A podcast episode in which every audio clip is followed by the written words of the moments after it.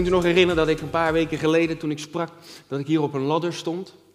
En dat ik, ja, twee mensen, oké. De rest heeft het uiteraard teruggekeken toen ze er niet waren. Toen zag u mij op een ladder staan, uh, op YouTube of hier. En um, ik zei toen dat dat symboliseert ons leven en onze jacht naar heiliging. En als we de eerste stap op die ladder zetten, dan laten we de wereld en ons vlees met al de vleeselijke begeerten, die laten we achter ons. En dan gaan we stappen zetten richting God toe, als het goed is. Dan gaan we, worden we volwassen, dan gaan we volwassen worden in de Heer, gaan we groeien in heiliging, in heiligheid, groeien in volwassenheid, geestelijke volwassenheid. En hoe, ik heb verteld, hoe meer we die stappen zetten op die ladder. En weet je, het is niet zwaar, hè, want u krijgt genade, die houdt u vast. En u heeft de, uh, de kracht van de Heilige Geest. En de kracht van de Heilige Geest is de kracht om geheiligd te worden. Dus daar heb je het al. Dat doe je niet zelf, dat doet de Heilige Geest. Maar ik heb verteld hoe dichterbij, hoe, uh, uh, hoe hoger we komen op die ladder, hoe dichterbij we bij God komen in die zin dat we Hem meer en meer gaan ontdekken. Dat Hij zichzelf meer en meer gaat, aan ons gaat openbaren. En je gaat dan, waarom? Omdat de Bijbel ons leert dat als wij God meer en meer, stap voor stap meer en meer gaan aanschouwen en zien wie God is, dan worden we veranderd in gedaante van glorie tot glorie, van heerlijkheid tot heerlijkheid. Met andere woorden, dan gaan we op Hem lijken. Dan gaan we op Jezus lijken. En uw levensdoel, als u uw levensdoel nog niet weet, dan vertel ik die vanochtend. En dat is om meer en meer te gaan lijken op Jezus. Hier op deze aarde, meer en meer te gaan lijken op Jezus, totdat je Hem van aangezicht tot aangezicht gaat aanschouwen. Halleluja, ja.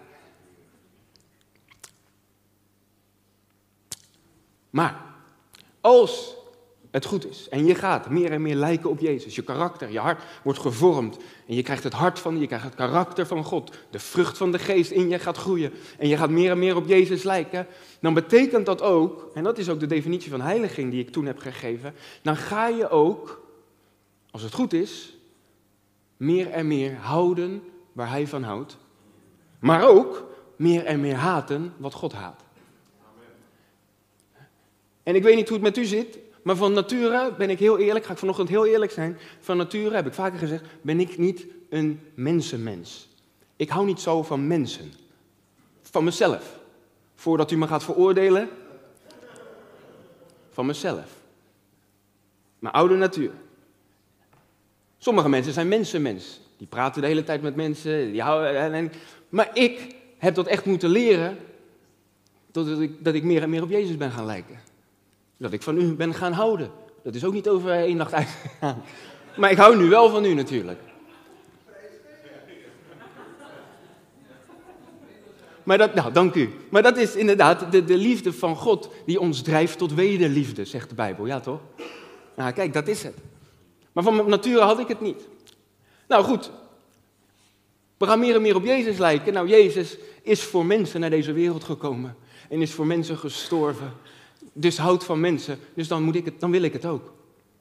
En dan zou u het ook willen, lief hebben wat hij lief heeft en wie hij lief heeft. Maar wat ik ook zeg, dat betekent ook haten wat God haat. En God haat geen mensen, gelukkig niet, prijs de Heer daarvoor. Maar hij haat wel zonde in mensen. En dat, als wij meer en meer op Jezus gaan lijken, zouden wij ook de zonde in onszelf, maar ook in de wereld om ons heen, meer en meer moeten gaan haten. En dat klinkt misschien niet zo leuk, maar het is wel nodig, wil je stappen zetten in je heiligmaking. Dan moet je zonde gaan haten, ook in jezelf. Ik weet niet hoe het met u zit, maar als ik een keer een fout maak en ik val in zonde, nu nog, dan kan het soms zo zijn dat ik echt me voor mijn kop kan slaan en dat ik denk, hoe is het mogelijk alweer? Soms zelfs zo erg dat je walgt van jezelf misschien wel. Dat je schaamt. En dan hoor ik heel veel christenen zeggen: ja, maar schaamte is nooit van de Heer, dat is van de duivel. Weet je wat? Als jij God in jou hebt wonen, een heilige God in jou hebt wonen door de Heilige Geest, dan zou het zo moeten zijn dat jij zonde haat, ook zonde die jij zelf doet. Het zou wel even lekker zijn als we alleen maar de zonde in de wereld haten, maar als wij zondigen, dan vinden we het oké. Ja, toch? Dus het is niet iets geks als je denkt van, oh, oh, oh, Alleen moet je dan natuurlijk niet mee blijven lopen, want dan zet je een deur open voor de duivel en zijn demonen om jouw schaamte en schuld te blijven inprenten. Maar je moet dan komen bij God en bij het kruis van Jezus. En niet te lang daarover doen, want hoe langer je met je schuld of met je schaamte loopt, daar zijn wij niet voor gemaakt, hè, voor schaamte. Adam en Eva, voordat ze wisten dat ze naakt waren, kenden ze helemaal geen schaamte. Dus God heeft ons geschapen om helemaal geen schaamte te kennen. Eigenlijk. Oké, dat even tussendoor. Gratis en voor niks erbij vanochtend. Dank, dank u wel. Graag gedaan. Maar dat betekent dat er dus minder een grijs gebied in ons leven moet zijn. Nou, als ik naar de wereld kijk en naar de cultuur kijk, waar wij in leven vandaag de dag, maar ook eeuwen geleden, maakt niet uit, maar wij leven er nu, dan is eigenlijk het een heel groot wazig grijs gebied. En bij Jezus is het juist zo dat Jezus veranderde, zijn eerste wonder was hij veranderde van water, veranderde hij in wijn. Hij deed niet water bij de wijn. Het was heel duidelijk, dat was water, dat was wijn. Zo moet het ook voor ons als kerk van Christus zijn. Wij moeten niet gaan meegaan met de wereld in grijze gebieden wandelen. De, de Bijbel is hartstikke duidelijk. Het is zwart of wit bij de Heer. En dan moeten we niet een stukje van zwart bij het wit gaan halen, een stukje wit bij het zwart gaan, want dan wordt het grijs. En wie houdt er van grijs? Nou ja, ik, maar oké.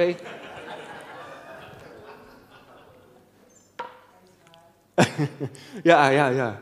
Maar ja, die worden... Ja, nee. Oké, sorry. We gaan verder. Dat betekent dat je meer en meer op hem gaat lijken. Je gaat houden waar hij van houdt. Je gaat haten wat hij haat. Je gaat belangrijk vinden wat hij belangrijk vindt. En je gaat minder belangrijk vinden wat hij minder belangrijk vindt.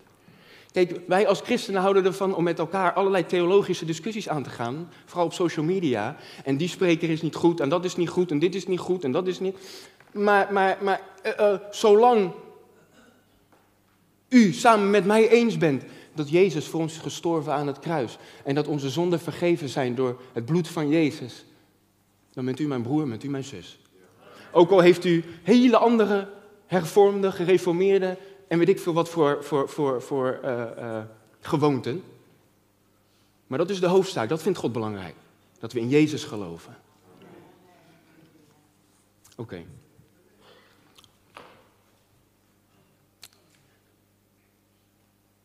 De dingen die hij belangrijk vindt. Wat, vindt. wat zijn de dingen die God belangrijk vindt? Wat zijn de dingen die voor God zo belangrijk zijn dat hij die in zijn woord heeft geheiligd? En daarom, de boodschap van vandaag heb ik genoemd, hou heilige dingen heilig. Hou heilige dingen heilig. Wat is er nog heilig in deze wereld? De meeste mensen, als ze denken, nou noem eens wat heilig, dan zeggen ze de paus. Maar dat is ook een mens. Ik kan je vertellen, hij is niet altijd even heilig. Want het is een mens. Het is een mens. Hou heilige dingen heilig. En dat zijn dingen die God in zijn woord apart heeft gezet. Die hij geprioriteerd heeft boven alle andere dingen en boven uh, ja, alle andere zaken van deze, die we in deze wereld tegenkomen. En hij verwacht ook, God verwacht ook van ons dat wij, hoe meer we gaan groeien in Hem, in heiliging, dat wij heilige dingen apart zetten. Dat wij heilige dingen apart houden en prioriteren boven alle andere mensen, boven alle andere dingen. En ik ga u zo meteen een aantal voorbeelden noemen. Die sommige mensen niet leuk vinden om te horen. Maar hé, hey, heilige huisjes uh, moeten soms omvergeworpen worden als het huisjes van religie zijn. En sommige dingen die God juist als heilig heeft gezet, die moeten we ook als heilig houden en in stand houden. Maar voordat ik een aantal voorbeelden ga laten zien vanuit Gods woord, wat God heilig vindt, wil ik je op het hart drukken dat hoe ga je de dingen leren kennen die God heilig vindt? Dat kan je maar op één manier leren kennen en dat is door God zelf te leren kennen. Want God is een heilig God. God is heilig. Hij is soeverein hij bepaalt, hij beschikt, hij bestuurt, hij regelt het allemaal wel. Hij is heilig. En we gaan zo meteen in die voorbeelden zien dat wij mensen van heilige dingen onheilige dingen erbij hebben gemengd. En bij God is juist, als iets heilig is, geheiligd is, is het wel apart. Is het apart. kan je dat niet heiligen met, of uh, kan je dat niet ontheiligen met alle onheilige dingen. Maar het begint in je hart door God te leren kennen, door Gods hart te leren kennen. En hoe doe je dat? Door God te leren kennen, door tijd met Hem te besteden in Zijn woord. Dan ga je God leren kennen. En door tijd te besteden in Zijn tegenwoordigheid, door te bidden, aanbidding in je binnenkamer hier, om de preek, uh, uh, preken te horen, want dat is Gods woord natuurlijk. Dan ga je God leren kennen. En dan landt dat, als het goed is, ook in je hart. En dat is essentieel. Als jij zegt, ja, ik wil heilige dingen wel heilig houden, zeg mij maar wat ik moet doen, dan doe ik dat. Dan bestaat de kans dat je dat voor mij doet. Dan bestaat de kans dat je dat, als je, als je eh, een of andere spreker heel erg, heel erg hoog hebt zitten, dat je het gaat doen voor hem. Of dat je het gaat doen uit angst misschien, of verplichting. Maar ik zeg je, als je stappen wil zetten in heiliging en je, wil, je, je weet, ik moet keuzes maken in mijn leven, wat wel kan, wat niet meer hoort bij een uh, leven van een kind van God, wat er wel bij hoort, wat er niet meer bij hoort. Als ik keuzes moet gemaakt tussen zwart en wit, dan moet dat altijd gebeuren in je, met je hart. Want als je dat gaat doen voor mij, dan is dat gewoon gedragsverandering. Dat, dat gebeurt in de wereld. Als je naar de een of andere, ja, ik weet niet eigenlijk, ik heb niet zoveel verstand van, socioloog, psycholoog, iets loog in ieder geval aan het eind. Die, die helpen je om je gedrag te veranderen. Maar, maar, maar God, die, die, die, dat, dat, moet wel in je hart beginnen. Want als je het gaat doen omdat ik het zeg, ja, dan, dan, dan hou je het niet vol. Heel veel mensen hebben vroeger, omdat de kerk zei dit, dat en dat, en omdat de predikant zei dit, dat en dat, hebben ze dingen maar gedaan. Of dingen maar gelaten. En dan doe je dingen omdat hij het zegt. Of omdat je denkt, nou ja, anders dan uh, krijg ik straf. Dat hou je nooit vol.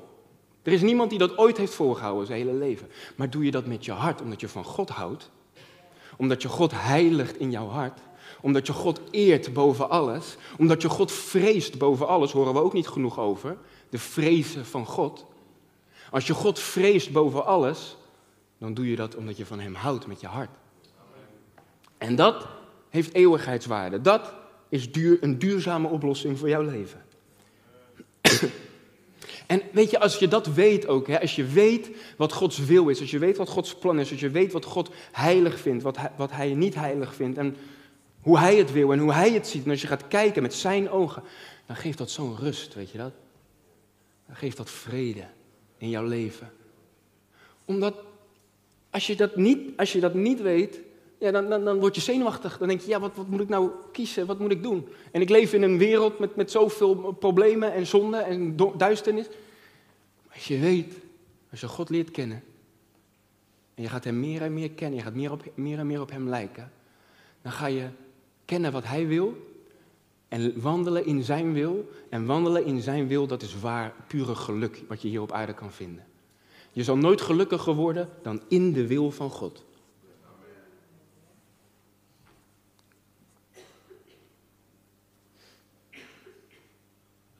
Johannes 14, vers 21 en Johannes 15 heb ik er gelijk bij gezet. Jezus spreekt. Jezus spreekt tot zijn discipelen, Jezus spreekt tot ons vanochtend. Wie mij geboden heeft en die in acht neemt, die is het die mij lief heeft. En wie mij lief heeft, hem zal mijn Vader lief hebben en ik zal hem lief hebben en mijzelf aan hem openbaren. Jezus belooft aan u vanochtend, als jij zijn geboden, zijn principes, dingen die hij heilig acht, als je die in acht neemt, als je je daaraan houdt, dan belooft Jezus, dan zal ik van je houden, dan zal mijn Vader van je houden en dan zal ik mijzelf aan jou openbaren. Wie wil meer openbaring van wie Jezus is? Wie wil Jezus nog meer leren kennen? Dat is de weg. Hem liefhebben en dat is zijn geboden in acht nemen. Niet menselijke regels principes vanuit Gods woord. Die leiden je naar meer openbaring van Hem. Johannes 15, vers 10, daar zegt Jezus: Als u mijn geboden in acht neemt, zult u in mijn liefde blijven. Nou, wie wil dat niet? Zoals ik de geboden van mijn vader in acht genomen heb en in zijn liefde blijf. Ik, er, zijn heel, er, er zijn wel eens mensen bij mij gekomen. Jordi, vertel, hoe kan het dat ik zo'n afstand voel tussen mij en God? Ik ken periodes, Jordi, dat ik zo'n afstand voel. En dan, dan voel en ervaar ik de Heer niet meer. Niet, niet meer zoals ik het vroeger deed. Toen had ik zo'n ervaring, toen, toen voel ik, ik zo'n aanraking van, van, van, van de Heilige Geest. En nu voel ik zo'n afstand. Ik heb dat al zo lang niet meer gevoeld. Nou, een van de eerste dingen die ik dan heel simpel aan je moet vragen, is: hou je je dan, neem je dan wel zijn geboden in acht? Heilig je wel God in je hart? Hem boven alles. Want de belofte van Gods woord is, als u mijn geboden in acht neemt, dan zult u in mijn liefde blijven. Dan zal je mijn liefde blijven ervaren. En God houdt van ons, God blijft van ons houden, wat we ook doen. Maar wil je meer openbaring van Hem en meer Zijn liefde ervaren, dan is dit de weg. De weg van heiliging.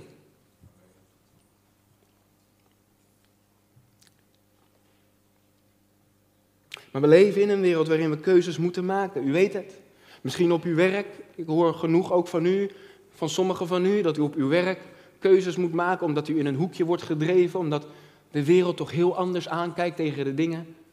Uh, zo, en dat haak staat zo, zo, zoals wij als kerk naar de dingen kijken in deze wereld. En misschien, ik weet het niet, want ik ken u niet allemaal goed genoeg daarvoor. En misschien thuis, als u kijkt, Misschien bent u zelfs al uw baan kwijtgeraakt, omdat u niet mee wilde gaan met de wereldse maatstaven. Misschien bent u vrienden kwijtgeraakt. Misschien dat u op gespannen voet leeft in uw familie of in uw gezin, omdat u wel wil, u weet wat God wil en u weet en u wil in zijn wil wandelen en u wil hem heiligen en hem eren en vrezen boven alles. Maar u vreest toch eigenlijk ook wel om uw familie te verliezen. Of dat u belachelijk wordt gemaakt in uw familie, omdat u keuzes maakt voor God.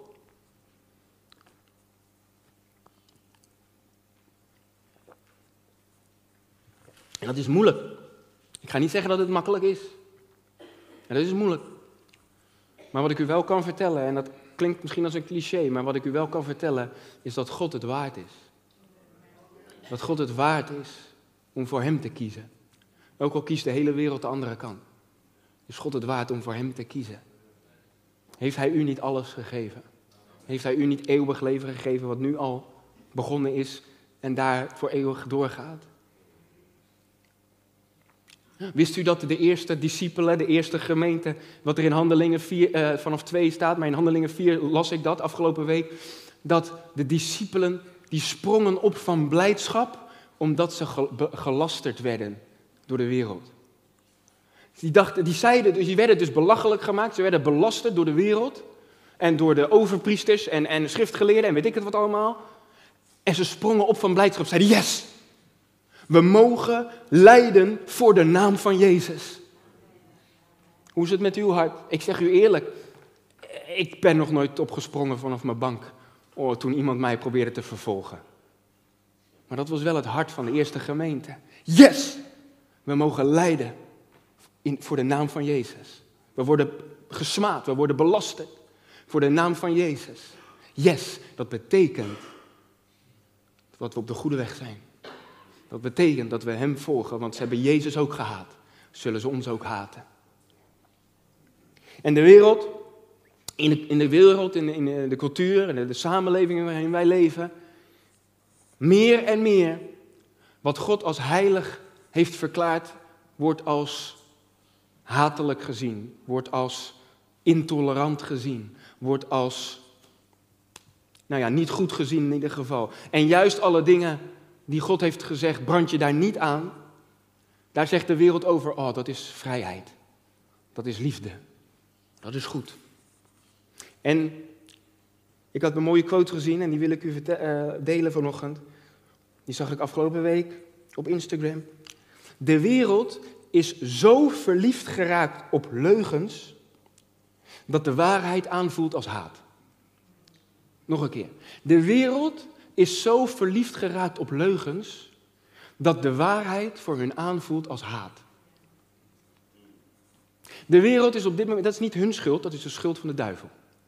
De vorst van deze wereld, van deze eeuw, die heeft ongelovigen verblind. Zijn wij beter dan hun? Nee, helemaal niet.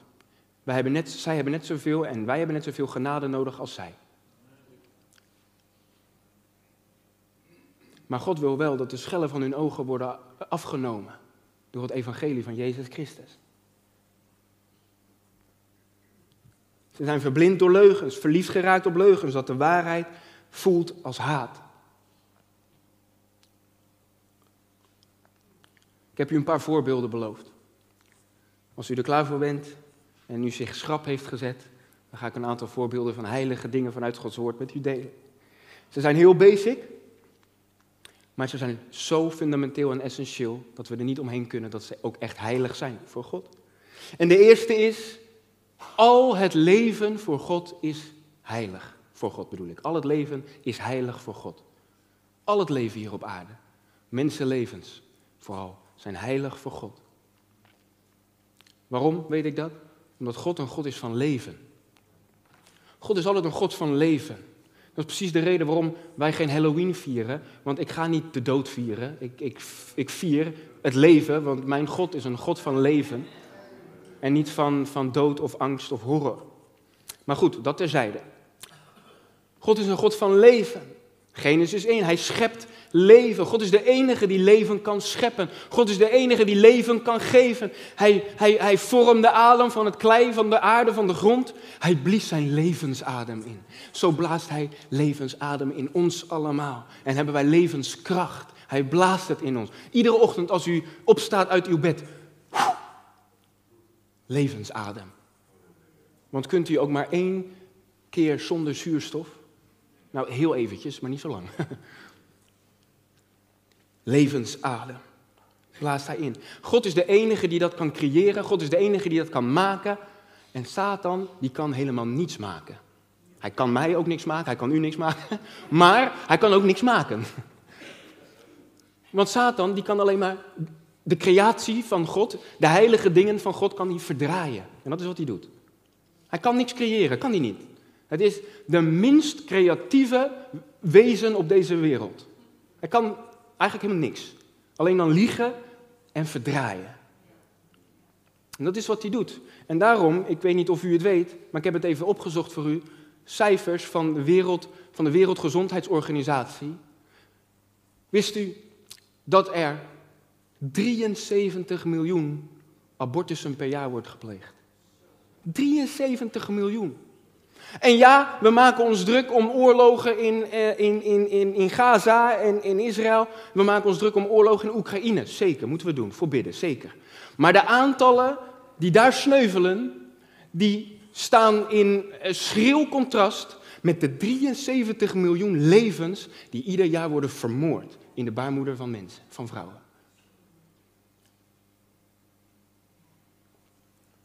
En ja, ik weet dat er verschrikkelijke omstandigheden kunnen zijn waarom mensen neigen om dat te doen. En dat bagatelliseer ik ook totaal niet. We hebben de liefde en genade van de Heer nodig. Maar ik weet dat al het leven bij God heilig is. En ook dat leven wat hier in de baarmoeder groeit. En wij denken door de verdraaiing van Satan, wij denken als mensen dat wij recht hebben om te kiezen of een leven mag leven of een leven beëindigd moet worden. Terwijl er maar één is die daarover mag gaan en dat is degene die leven geeft. Die bepaalt als enig ook dat er leven genomen mag worden en wanneer leven genomen mag worden. En niet wij mensen. Hoe slim en wijs en, en, en wetenschappelijk wij ook zijn geworden. Voor je het weet loopt er een kloon van u rond, omdat wij ook mensen kunnen scheppen. Als mens.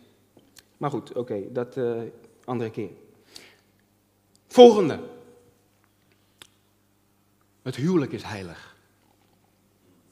Uw huwelijk, als u getrouwd bent, twee gelovigen samen, man en vrouw, laat ik dat ook maar even gelijk erbij zeggen, voordat we in een misverstand belanden.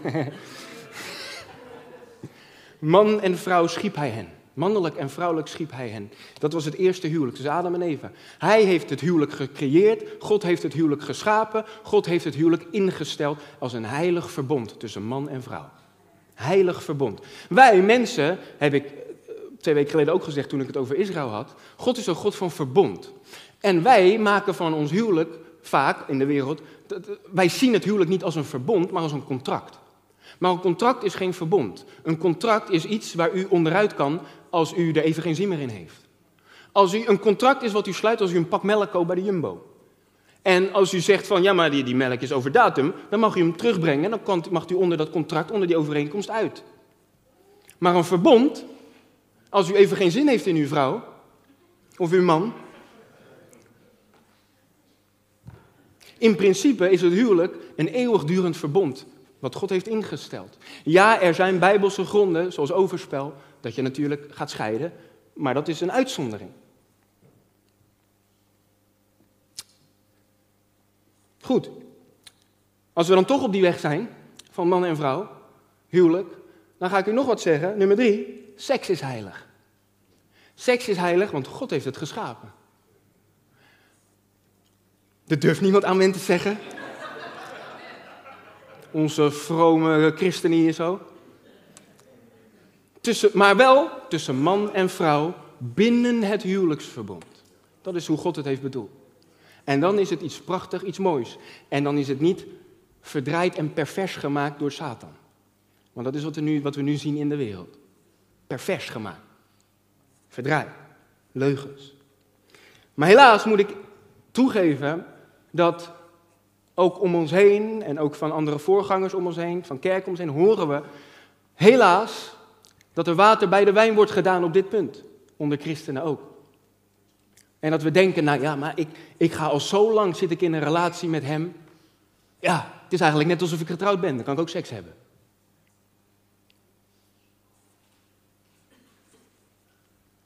Ja, maar uh, uh, weet je, ik bedoel, ik, als het maar in een relatie gebeurt, dan is het ook goed. En dan kunnen we samen op vakantie, dan kunnen we samen dit, dan kunnen we samen dat.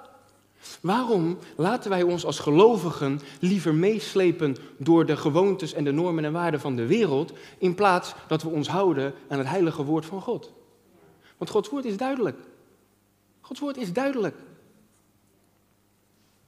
Geen grijs gebied, het is super zwart-wit.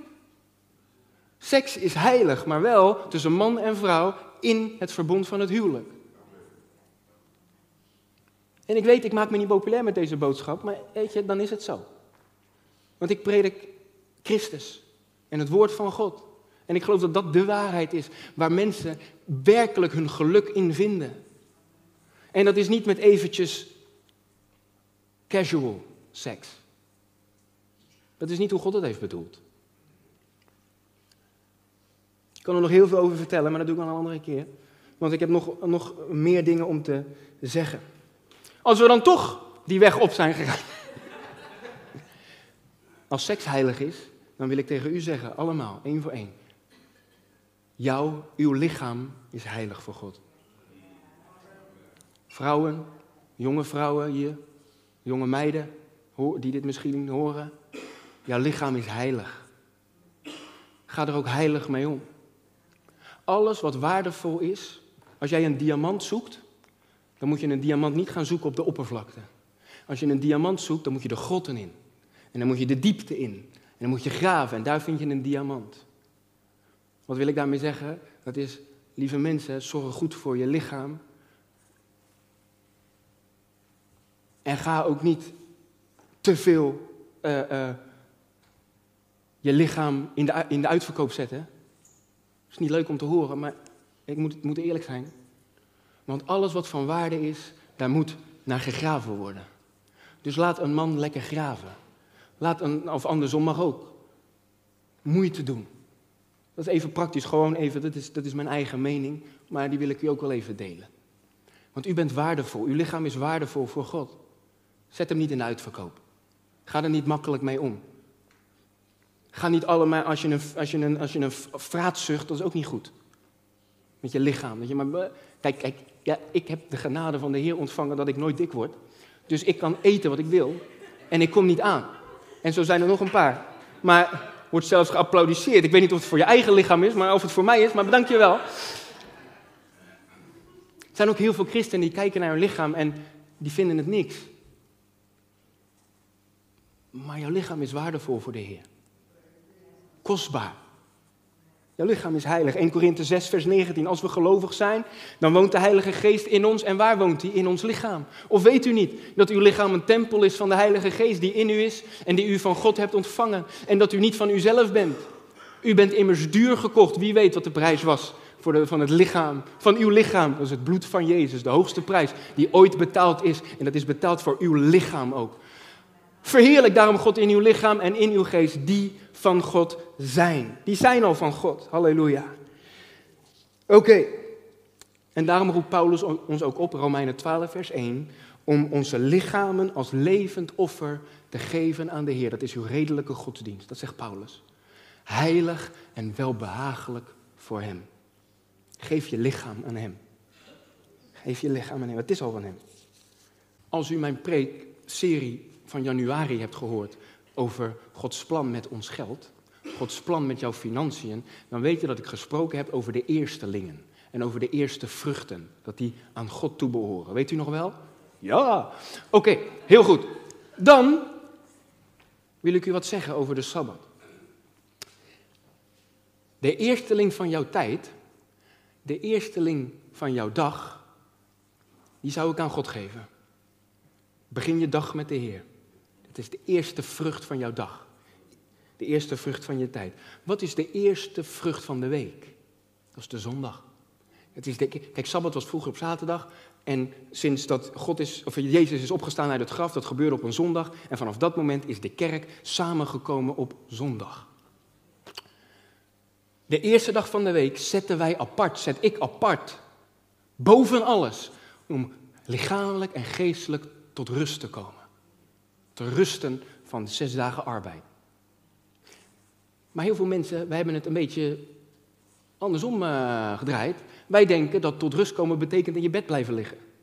Maar bij wie vind je werkelijke rust? Bij wie vind je daadwerkelijk vrede die je nodig hebt? Dus bij de vredevorst. Dus ja, samenkomen in de tegenwoordigheid van de Heer om God te zoeken, want bij Hem vind je rust. That's it. That's it. En daarom zegt Hebreeën 10, vers 25, uh, laat de onderlinge samenkomsten niet na. Waarom? Omdat God weet dat we dat nodig hebben. Wij hebben elkaar ook nodig. We hebben nodig dat we samenkomen. En of dat nou in een kerkgebouw is, of in een huis, of in een park, of in, in je achtertuin, dat maakt niet uit. Maar samenkomen als kerk, dat hebben we nodig.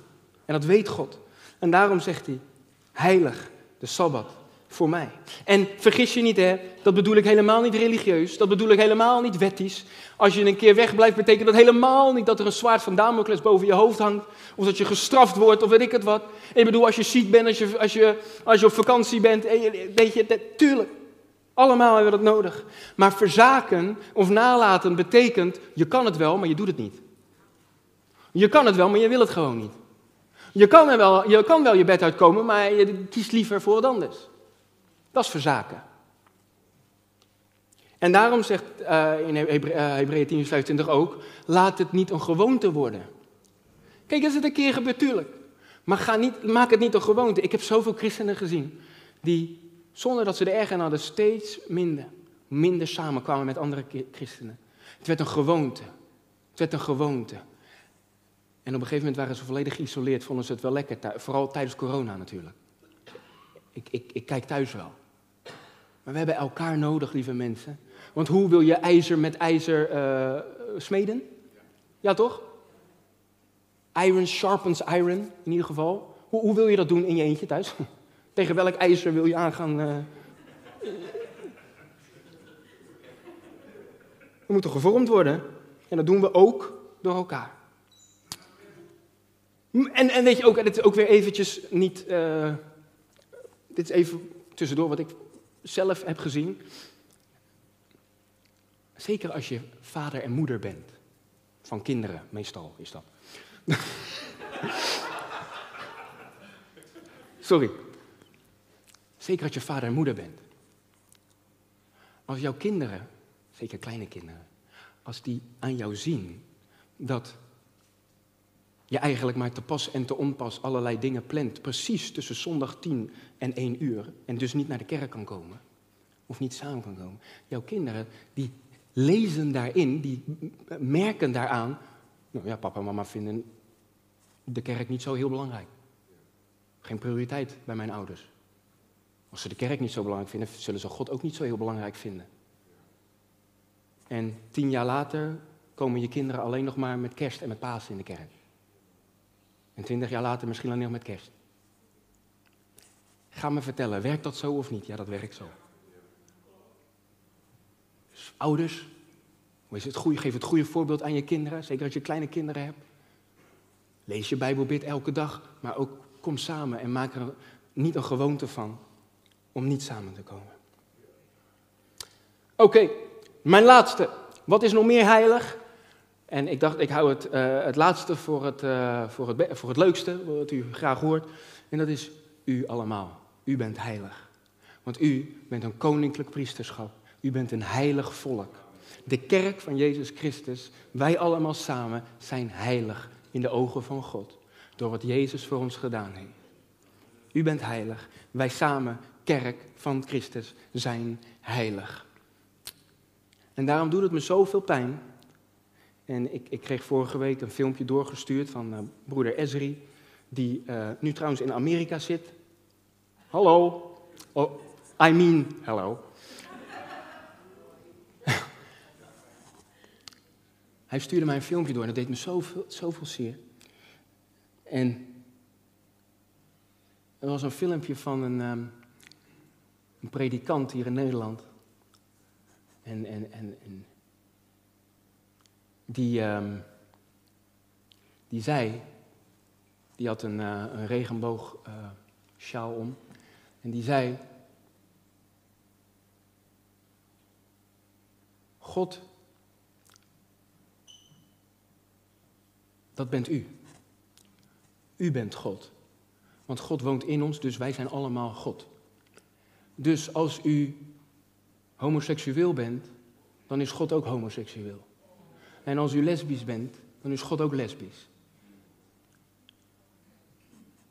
Ik wist niet zo goed wat ik met het filmpje aan moest, maar wel dat ik moest bidden voor de kerk. En bidden voor die persoon die dat zei. Want we hebben zo de genade van, van God nodig in de wereld vandaag. En we moeten niet gaan slaan daarmee andere mensen, maar genade, liefde en waarheid verkondigen. Als wij stoppen met de waarheid verkondigen, hoe willen mensen ooit dan een andere keuze maken? Want de keuze die voor hen wordt gemaakt is de keuze van de duivel. Daarom, lieve broer, lieve zus, misschien op een heel ander vlak, maar als u ooit ziet dat er onheilige dingen of de wereld hier de kerk in worden gehaald, wil ik dat u mij gelijk waarschuwt. Afgesproken? Ik ga ervan uit dat ik, we gaan ervan uit dat door Gods geest dat we dat zien. Maar als u het merkt, niet, zeg het. Want onheilige dingen mogen niet in zoiets heiligs als de kerk binnenkomen en binnensluipen. Een tweede punt over de kerk is heilig, want ik ben er niet klaar mee. En dat is misschien uh, niet zo leuk om te horen, of ook niet zo leuk om te horen. De kerk is heilig, maar waarom gaan wij dan soms zo met elkaar om alsof wij vijanden van elkaar zijn? En prijs de Heer, ik, het is allemaal Gods genade, maar hier in de gemeente, oh, we knuffelen elkaar wat af volgens mij. Maar goed, misschien onderhuids, dat weet ik niet. Dat moet u maar even zelf onderling even goed maken. Maar dan gaan we erom elkaar zwart maken, kwaad spreken over elkaar, met onze mond elkaar maar smaden en belasteren en weet ik het wat allemaal. En, en oh, eh, die voorganger is niet goed en die spreken bekritiseren en, en, en weet ik het wat allemaal. Wij zijn zo gewend dat wij op social media onze mening over van alles en nog wat mogen geven. En u mag uw mening geven, maar pas wel op als het over heilige dingen gaat, alstublieft. Want wat wij soms vergeten is dat wij allemaal levende stenen zijn in het heilige lichaam van God, van Christus. Wij zijn allemaal levende stenen in het heilige bouwwerk van God. Maar waarom, als wij elkaar belasteren en elkaar uh, kwaad spreken over elkaar, weet wat we dan doen? Dan trappen we tegen die stenen aan van hetzelfde gebouw. Wij zijn één gebouw, de kerk is één gebouw. Maar andere levende stenen gaan we tekeer met een honkbalknuppel. Of met een, met een moker slaan we tegen ons eigen gebouw aan. Als we roddelen over andere mensen. Als we andere mensen zwart maken. Als we andere gelovigen belasteren. Dus pas op hoe je met Gods heilige kerk omgaat. Hoe je met elkaar omgaat. Heb je elkaar lief zoals Christus ons, de gemeente, lief heeft? 1 Korinthe 3, vers 17. Dan zegt God door Paulus heen. Als iemand de tempel van God te gronden richt, zal God hem te gronden richten. Want de tempel van God is heilig en deze tempel bent u. U bent de heilige tempel van God. We zijn allemaal heilige levende stenen in het bouwwerk van God, de heilige tempel van God. En als iemand ons, de kerk van Jezus Christus, te gronden wil richten, dan zal God op zijn tijd vergelden naar zijn werken. En dan zal God hem te gronden richten. Want wie aan heilige dingen van God komt, die komt aan God. Dus pas op, lieve broer, lieve zus, hoe wij praten met elkaar, hoe we praten over elkaar. Hoe we kijken naar elkaar en hoe we elkaar behandelen. Want vergis je niet, we zijn heilige levende stenen van de heilige kerk van Christus.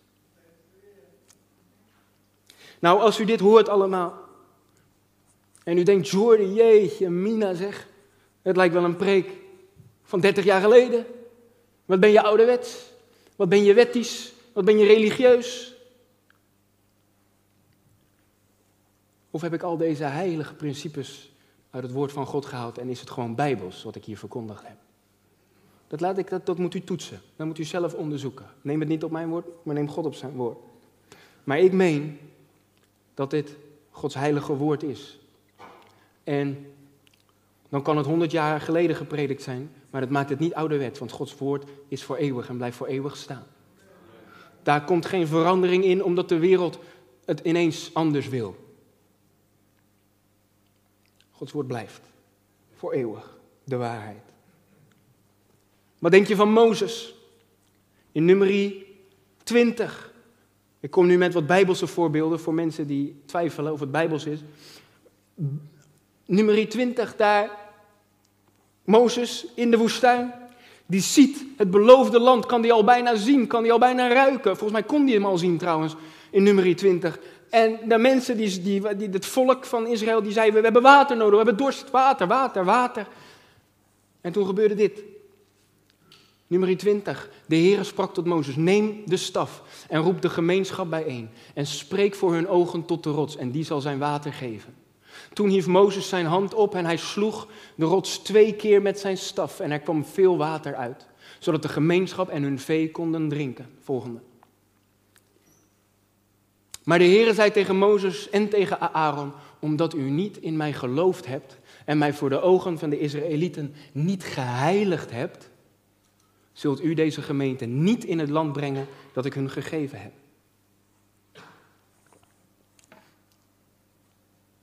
Mozes kon, het, kon zijn bestemming zien, kon het beloofde land al zien.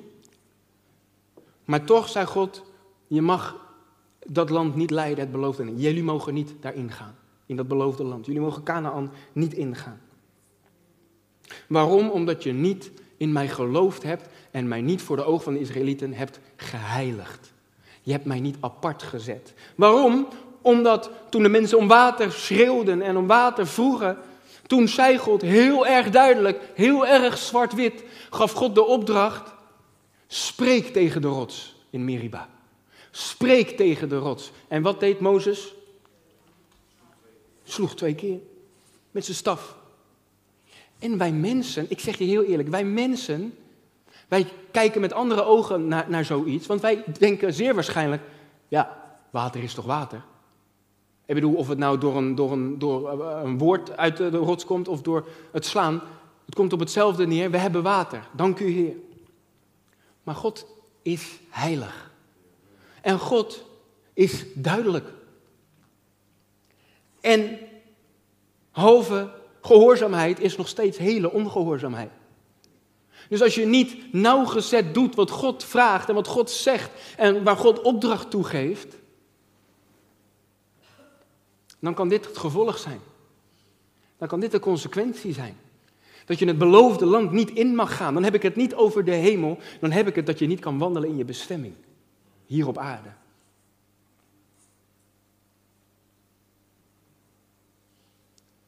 En misschien denk je, ja, maar wat is dat? Nou? Had God nou niet eventjes dat een klein beetje door de vingers kunnen zien? Had God nou niet even over zijn hart kunnen strijken en kunnen denken, ja, Mozes heeft 40 jaar lang goed leiding gegeven aan mijn volk. Nou ja, dan mag hij ook wel één keertje eventjes een foutje maken, toch? Dat kan toch? Zo kijken wij mensen vaak naar de dingen. Ach, is niet zo erg. Ach, doe ik wel een andere keer. Ach, ik stel het wel uit.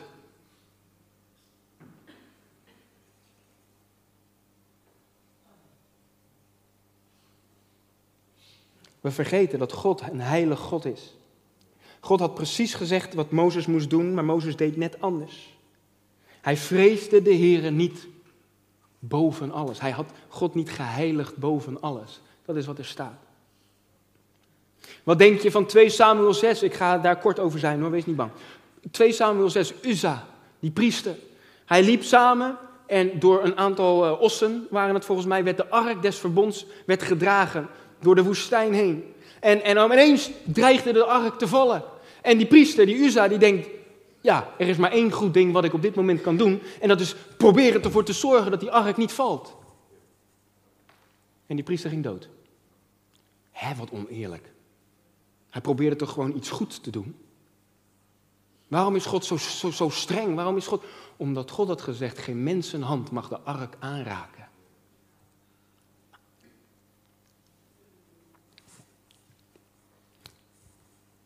En misschien zit je hier en denk je, ja, maar dat is allemaal Oud Testament. Allemaal Oude Testament. We leven niet meer onder de wet. Zo streng is God helemaal niet meer. Handelingen 5. Nieuwe Testament. Levend onder het nieuwe verbond. De eerste gemeente. De eerste kerk. Handelingen 5 was er een echtpaar. Ananias en Safira. En de kerk was gewend op dat moment om al hun bezittingen te verkopen en te geven aan de kerk, om te geven in de handen van de apostelen. En ze kwamen bij de apostel Petrus en, die, uh, en ze zeiden van hier, dit is de opbrengst, alle opbrengst van ons land. En Petrus wist door de wijsheid van de Heilige Geest, waarom heeft u in uw hart voorgenomen om te liegen tegen de Heilige Geest? Hij door de Geest wist dat zij met voorbedachte raden, en dat, dat is de zonde, met voorbedachte raden, thuis al hadden ze rond de eettafel gezeten en gezegd, nou, we gaan niet alles geven aan de Heer. Hadden ze een deel achtergehouden. En Petrus die zei, u had niet eens alles hoeven te geven. Maar de zonde is dat je liegt, dat je alles geeft. En je houdt iets achter. En Ananias viel dood neer. En drie uur later, Safira viel dood neer. Is dat hard? Is dat streng? Is dat wettisch? Is dat ouderwets? Is dat religieus? Is dat oud-testamentisch? Nee, het is Handelingen 5, Nieuwe Testament, de eerste gemeente. De Nieuw-testamentische gemeente. Ik zeg u, ik vertel u dit niet om u bang te maken voor God, maar ik zeg u dit om vanuit Gods woord te laten zien hoe heilig onze God is. En dat er met Hem niet te spelen valt. En dat er met Hem niet te sollen valt. Zometeen, zometeen, na de boodschap gaan we het heilig avondmaal vieren met elkaar. 1 Korinthe 10 vers, F 1, 1 Korinthe 11. Daar zegt Paulus, velen onder u zijn ziek, zwak en zelfs ontslapen omdat ze op een onwaardige manier dit heilig avondmaal innemen. Is dat ouderwets? Is dat religieus? Is dat wettisch? Of is dat bijbels? Wat het woord van God ons leert. Als wij op onwaardige wijze dit heilig avondmaal niet eren, dat dit het lichaam van Christus is, dat dit het bloed van Jezus is, als we dat niet eren, waarderen en erkennen, en we nemen het zomaar casual in, dan neem je het op een onwaardige wijze in. En dan kan het zo zijn dat je lichamelijk of geestelijk zwak wordt. Dan kan het zo zijn dat je lichamelijk of geestelijk ziek wordt. Dan kan het zo zijn dat je lichamelijk of geestelijk doodgaat. Is dat een zware boodschap? Ja, dat is misschien zwaar, maar het is het heilige woord van God. Ik, God zegt dit uit liefde, zodat u uh, uh, uh, Hem eert en Hem heiligt boven alles. En weet wat je doet als je dit inneemt. En dat je dit op een waardige wijze inneemt.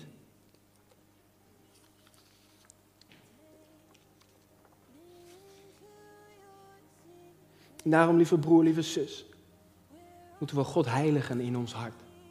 Als we God heiligen, Hem de ereplaats geven, Hem op de eerste plaats zetten in ons leven, dan gaan we ook Zijn heilige dingen heiligen. Dan gaan we ook het heilige avondmaal eren. Als we Hem eren, dan gaan we ook ons huwelijk eren. Als we Hem eren, dan gaan we ook seks eh, eren. Als we Hem eren, dan gaan we ook ons lichaam als heilig eren. En we moeten beginnen met God heiligen in ons hart. 1 Petrus 3, vers 13 tot 15, dat is mijn laatste Bijbeltekst van vanochtend. Wie is het die u kwaad zal doen als u navolgers bent van het goede? Als u goed doet, staat er eigenlijk, als u goed doet, hoeft u niet bang te zijn voor hen die kwaad doen. Wees niet bevreesd zoals zij bevreesd zijn. Laat u niet in verwarring brengen, maar heilig God de Heer in uw hart. Heilig God in uw hart.